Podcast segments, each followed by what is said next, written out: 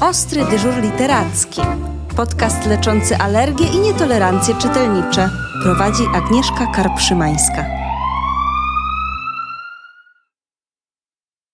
Dzień dobry. Nagrywając kolejny podcast, zdałyśmy sobie sprawę, że dotychczas wszystkimi naszymi gośćmi były kobiety, a właściwie gościnie. Cóż począć? Dziewczyny są super. Dużo wiedzą, ale też bardzo ciekawie opowiadają. Dziś jest ze mną kolejna super dziewczyna, którą już znacie. Doktor Oliwia Brzeźniak-Pałgan. Jest nie tylko doktor ostrego dyżuru literackiego, ale jest też panią doktor nauk humanistycznych. Jest w takim razie chyba najlepszą znaną mi osobą do rozmowy na temat dziewczyn w literaturze dla dzieci, czyli girl power. Pani doktor, co to takiego? Girl Power.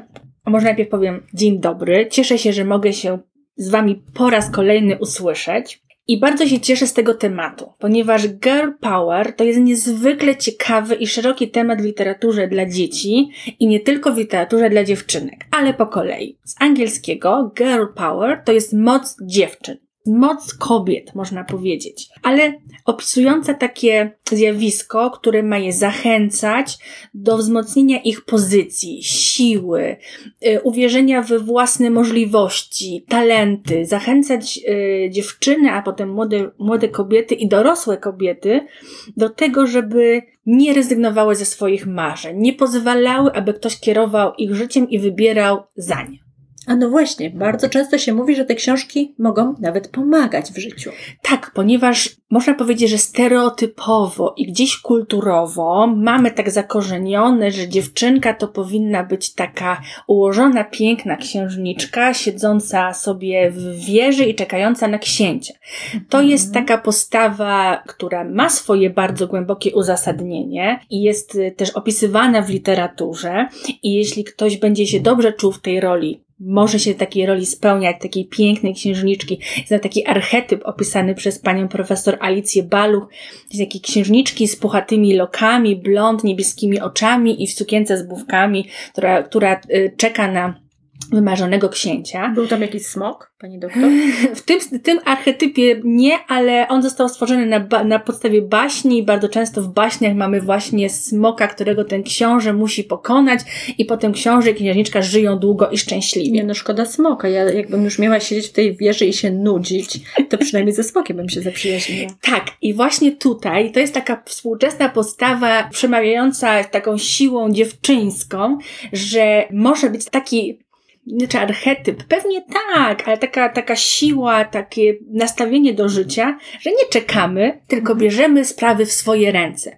I tutaj właśnie um, wróćmy do tego, czy te książki pomagają. Tak, bo często, nawet nieświadomie, możemy e, w życiu, może być może dorośli, kierują dzieci już tak segregując troszeczkę, że chłopcy to taka siła i, i działanie, a dziewczynki muszą być grzeczne. I książki, które się czyta z takiego nurtu girl power, one pokazują, że wcale tak nie musi być bo książki są takim oknem na świat, oknem y, przedstawiającym historię, przedstawiającą, przedstawiające biografię być może nieznanych nam osób, które właśnie postanowiły wziąć sprawy w swoje ręce, tych kobiet, które postanowiły wziąć sprawy w swoje ręce i decydować same za siebie i właśnie stwierdzając, że one się zajmą tym smokiem, albo się z nim zaprzyjaźnią, albo coś innego jeszcze w ogóle ciekawego wymyślą. Czasami takie smoki potrafiły latać, z tego co dobrze pamiętam w baśniach, tak. więc można by było zwiedzać na przykład świat. Można by się było z tym smokiem dogadać i zwiedzać z nim świat i jeszcze przy okazji znaleźć tego księcia i też, i też z, nim, z nim podróżować, a jeśli książę by nie chciał, no to jego sprawa, też przecież jego wybór. To prawda, ale wróćmy do tego pomagania. Czy mamy może jakąś pozycję, która szczególnie się Pani podoba, która skradła Pani serce i która rzeczywiście może pomagać młodym czytelniczkom? A czy ja muszę dać jedno? Bo mam co najmniej kilka. A dobrze, to, to, to zacznijmy może od y, opowieści na dobranoc dla małych buntowniczek. Mhm. I tu już mamy dwa tomy książek. Dlaczego to są opowieści na dobranoc? I dlaczego dla małych buntowniczek? Dlatego, że to są bardzo grube książki, które zawierają kilkaset biografii niezwykłych kobiet i żyjących dawniej, w dawnych wiekach i współcześnie, bo z tego co pamiętam nawet tam jest y, bodajże biografia Michelle Obamy. Tak jest y, i też jest biografia Marii Skłodowskiej-Curie, mhm. czyli to jest naprawdę bardzo szeroki przekrój biografii kobiet, które właśnie osiągnęły swoje marzenia, szły wbrew Społeczeństwu Tak, właściwie. takim Mhm. ograniczeniom, bo Mhm. Maria Skłodowska-Curie musiała na przykład wyjechać z Polski, bo nie mogła u nas studiować. Jeszcze nie było, nie, nie było prawa. Ona naprawdę włożyła w to wiele wysiłku. I dlaczego opowieści na dobranoc? Dlatego, że te biografie są po prostu krótkie. Można je czytać jako opowieści na dobranoc i to mi się bardzo podoba, bo wtedy można sobie śnić o własnych marzeniach i zbierać taką siłę na przyszłość, żeby je realizować. Więc to jest pierwsza książka, która y, mi się bardzo podoba, ale ona jakby jest pierwsza i w dwóch tomach, więc naprawdę bardzo potężna dawka takiej wspomagającej y, i angażującej wiedzy. Druga książka to jest sam tytuł mówi, do jakiego nurtu ona należy, czyli Girl Power, opowieści dla dziewczyn, które chcą zdobywać świat. I to jest y, opowieść jednej autorki, która przedstawia swoje szalone pomysły, które czasami jej nie wychodziły. Ona to mówi wprost w tej książce, że tam, mm, no, nie zawsze to się też kończyło dobrze, ale podkreśla, że ona się na to odważyła, nie bała się takiej adrenaliny i zdobywała swoje e, swoje własne e, marzenia. I trzecią książką, o której chciałam powiedzieć, to są superbohaterki, Świat i wielkie odkrycia. A ja bardzo lubię tę książkę. Tak, dlatego, że ona pokazuje właśnie, bo często nauka jest przedstawiana tylko z perspektywy mm, takiej męskiej, chłopięcej, że to mężczyźni zdoby, zdobywali, zdobywali wiedzę i oni od wielkie odkrycia, a bardzo często w ich zespołach kluczową rolę odgrywały właśnie kobiety. I co jest jeszcze ciekawe w tej książce, ta książka zawiera również bardzo proste eksperymenty. Takie Mhm. opisy i pokazujące, że ym, ten świat naukowy nie jest tylko dla mężczyzn, bardziej taki świat ym, techniczny. O, powiedzmy, bo to też jest bardzo takie stereotypowe, że dziewczynki takie humanist, humanistki, a mężczyźni co prawda techniczni. Tam są bardzo proste eksperymenty i jeśli ktoś ma taką pęd, taką żyłkę naukowca, to na pewno ta książka jest dla niego. To też są świetne inspiracje na zabawy rodzinne. Na zabawy rodzinne, na w ogóle obserwowanie świata, bo ym, można w bardzo prosty sposób, na przykład, jeśli dobrze pamiętam, to chyba nawet ruchy ziemi obserwować. Y, te rzeczy do zrobienia tego przyrządu znajdziemy w każdym domu. To prawda. Czyli podsumujmy. Wiemy już, że dziewczyny zdobywają tytuły naukowe, Tak. czego Pani jest najlepszym przykładem. Mogą pracować w zawodach z pozoru zarezerwowanych dla mężczyzn, Tak. bywają też artystkami. Tak, y, i tutaj się pojawiają dwie ważne rzeczy. Zacznijmy od tego, od tych artystek, ponieważ tutaj w tym nurcie książek, o których mówimy, myślę, że kluczową rolę odgrywają właśnie biografie. I takie Mhm. poznawanie biografii pokazuje tutaj bardzo, bardzo wiele. I niezwykłą serią jest na przykład seria Idol wydawnictwa Widnokrąg, w której możemy przeczytać o takich postaciach, jak właśnie wspominana już Maria mm, Skłodowska-Curie, ale także Pola Negri czy Frida Kahlo. To są pięknie, duże wydane książki, z bardzo pięknymi grafikami, których poznamy właśnie biografię tych niezwykłych kobiet, które rozwinęły swój talent, czasami wbrew wszystkiemu. Mhm, to prawda. Ale jeszcze w tym pytaniu się pojawiły wykonywanie zawodów. I Tak. myślę, że tutaj by rozgorzała gorąca dyskusja o żeńskich określeniach zawodów. O, prawda? Ja nawet na początku e, użyłam słowa gościnie. Gościnie. Niektóre panie sobie życzą tego, a niektóre wręcz przeciwnie. Dlaczego tak jest? Dlaczego niektórzy sobie życzą, a niektórzy nie? Wyjaśnienie jest bardzo proste. Wiele takich żeńskich form jest poprawnych językowo, ale przez to, że są nieużywane, nie jesteśmy z tym osłuchani i uważamy to za błąd. Mhm. I tutaj niezwykłą rolę zrobiło wydawnictwo Poławiacze Pereł, które wydaje taką serię właśnie opisującą kobiety, które wykonują powiedzmy takie typowo męskie zawody. Typowo, ale to jest oczywiście tylko w stereotypie, gdzie mamy, o, mówimy o kosmonautce, o strażaczce i tam te wszystkie mm, zawody są skonsultowane z językoznawcą, one są użyte poprawnie i one mogą stać się taką inspiracją do wprowadzania tych końcówek czy, czy całych form żeńskich do języka. Ja muszę e, Wam powiedzieć, że mi się podoba ta książka z jeszcze jednego powodu. Właściwie to dwie są. To jest właściwie jedyna książka, e, która pokazuje feminizm, znowu trudne słowo, w takiej bardzo miękkiej formie, bo z jednej strony te panie wykonują niezwykłe zawody, bardzo często niebezpieczne, bardzo męskie z pozoru, a jednocześnie potrafią zrobić naleśniki, zbierają poziomki, i widać, że ta strona emocjonalna absolutnie nie ucierpiała. Tak, bo to są mamy, to są, to są e, kochające swoje dzieci właśnie kobiety, żony, to są, to są ciepłe, ciepłe panie, które no właśnie są kosmonautkami, starzeczkami albo agentkami. No, no właśnie, a ja mam e, w tym momencie pytanie od słuchaczki. Aniela, lat 4, a dokładniej mama Anieli pisze do nas. Aniela lubi książki. Dużo czytamy, zwłaszcza historii współczesnych. Mamy tylko jeden problem. Aniela nasłuchała się tyle o dzielnych dziewczynach, że teraz nie lubi tradycyjnych bajek. Pozdrawiamy serdecznie Anielę. Cieszymy się, że jako czterolatka zna już tyle, e, tyle książek i tyle wspaniałych postaci ko- kobiecych, dziewczyńskich. Bardzo serdecznie tego gratuluję. Nie ma się, myślę, co tutaj przejmować. Tak jak powiedzieliśmy, te baśnie przedstawiają pewien taki archetyp y, czekającej księżniczki, ale też nie do końca, bo nie wszystkie baśnie takie są. Część z nich opisuje szalone dziewczyny, które potrafią wziąć sprawy w swoje ręce i też bardzo wiele baśni zostało współcześnie przepisanych.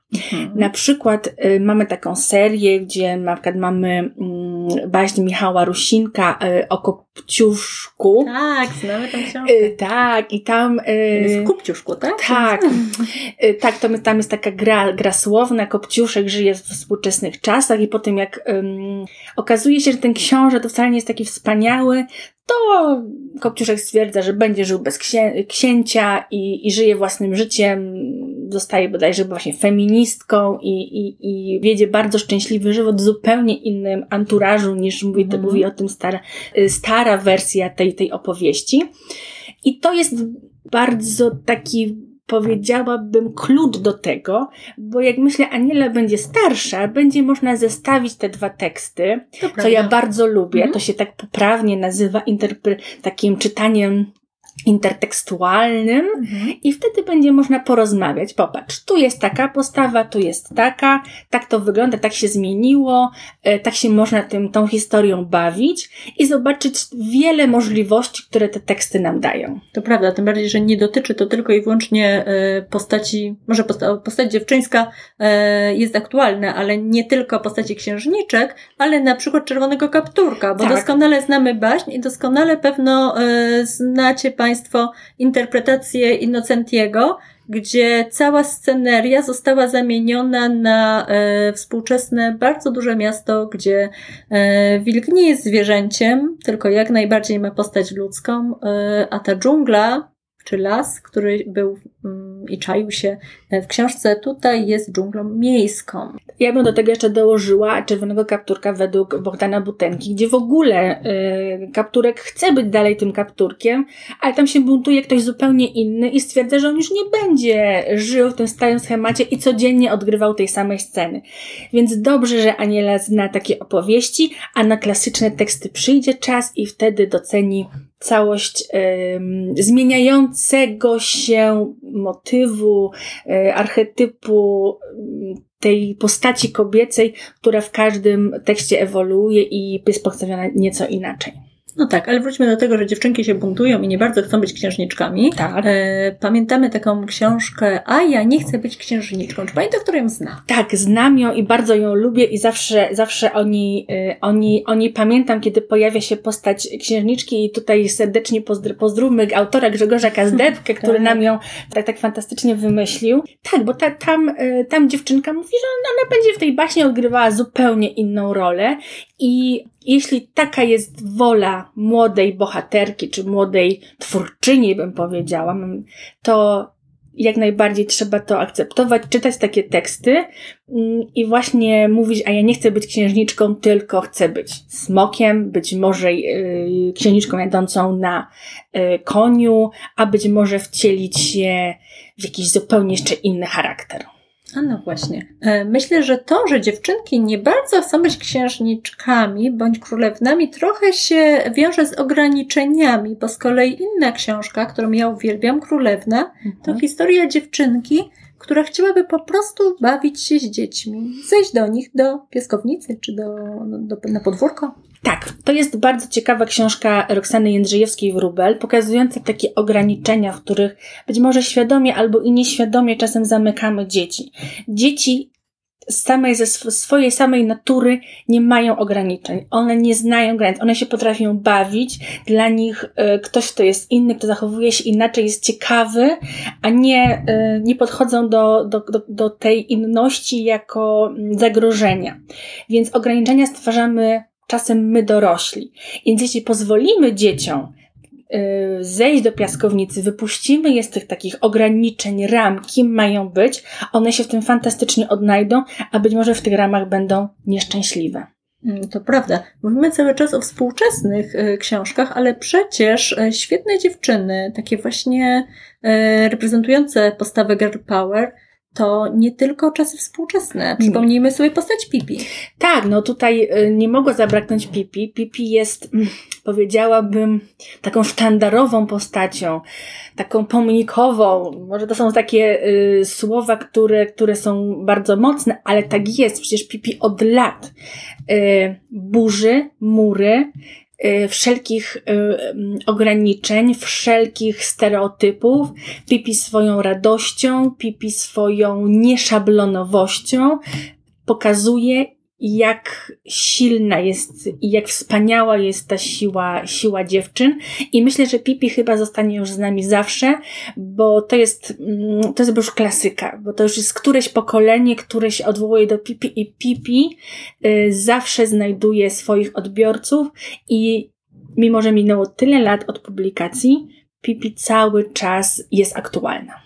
Mm, Pipi też nie przejmowała się do końca swoim wyglądem, prawda? Jak dobrze pamiętamy, miała różne skarpety, ale miała też nie zawsze czyste ubranie. Nie, było, nie to było najważniejsze, gdy się zdobywało świat. Nie, nie to było najważniejsze, gdy się zdobywało świat. Najważniejsze dla Pipi było czasem wykonanie zadania, e, wykonanie, zdobycie jakiejś przygody, e, pomoc komuś. Pipi się też nie przejmowała na przykład tym, że ktoś mówił, że nie ma siły. Pipi po prostu przenosiła dom, podnosiła konia i w, w, w ogóle nie zastanawiała się nad tym, czy, czy, czy, e, czy to jej wypada, czy też nie. Bo myślę, że tutaj też warto powiedzieć o tym, że często myślimy, co wypada. Że właśnie wypada, żeby dziewczynka miała czystą sukieneczkę. A Pipi pokazuje, że no wypada, żeby dziewczynka miała kolorowe skarpetki i robiła to, na co ma ochotę.